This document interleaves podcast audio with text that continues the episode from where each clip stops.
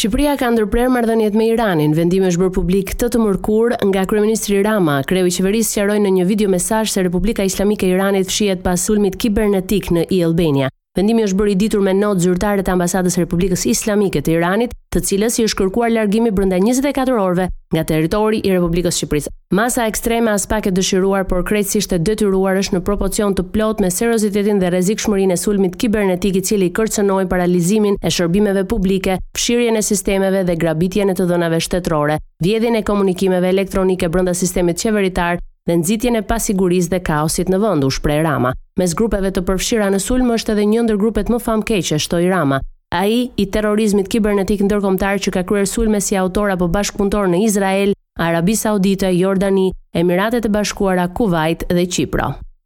Gjatë prezantimit të paketës antikrizë, kryeministri Rama këtë të enjte tha se familjet të cilat konsumojnë më shumë se 800 kWh do ta paguajnë energjinë elektrike me çmimin e tregut. Rama tha se bëhet fjalë për 6 deri 7% të familjeve që rezulton se shpenzojnë mbi 800 kWh dhe se kjo masë synon krijimin e një presioni për të ulur konsumin e tepërt të energjisë në kushte krize. Rama ritheksoi se nuk do të ketë rritje çmimi të energjisë për konsumatorët familjarë dhe biznesin e vogël. E gjitha Është e pa e paplotë dhe mbase edhe jo plotësisht e kuptueshme pa atë që është e fundit po jo për nga rëndësia në këtë prezantim timin që është energjia elektrike. Jemi sot i vetmi vend në rajon dhe në Europë që ka marrë një vendim të prerë politik për të mos e prekur çmimin e energjisë për familjarët dhe për bizneset e vogla. Nëse ky është një vendim ambicioz dhe kurajoz apo një vendim i çmendur dhe me pasoja Të paparashikueshme këtë do ta tregojë koha. Por ne vazhdojmë të besojmë që duhet t'i mbrojmë konsumatorët familjarë dhe bizneset e vogla nga rritja e çmimit të energjisë. Kjo mbrojtje deri tani rezulton edhe edhe arsyeja themelore pse ne kemi inflacionin më të ulët në rajonin tonë dhe kemi dhe një inflacion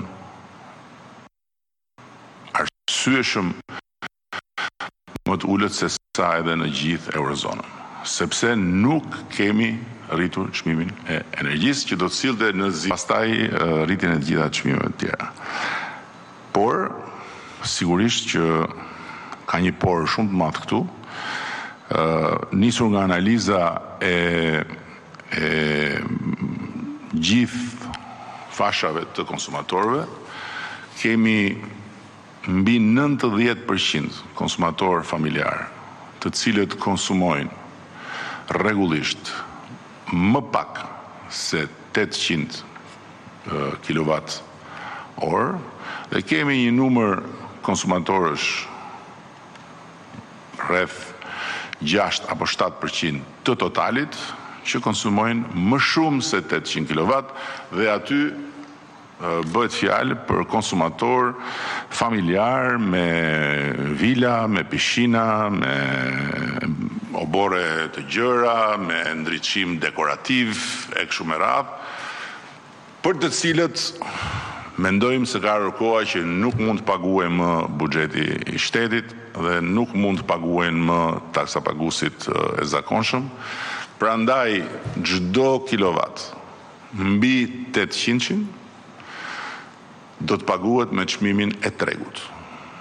Dhe me këtë ne synojmë edhe të krijojmë një presion për të për të ulur konsumin e tepërt të energjisë elektrike në kushte krize.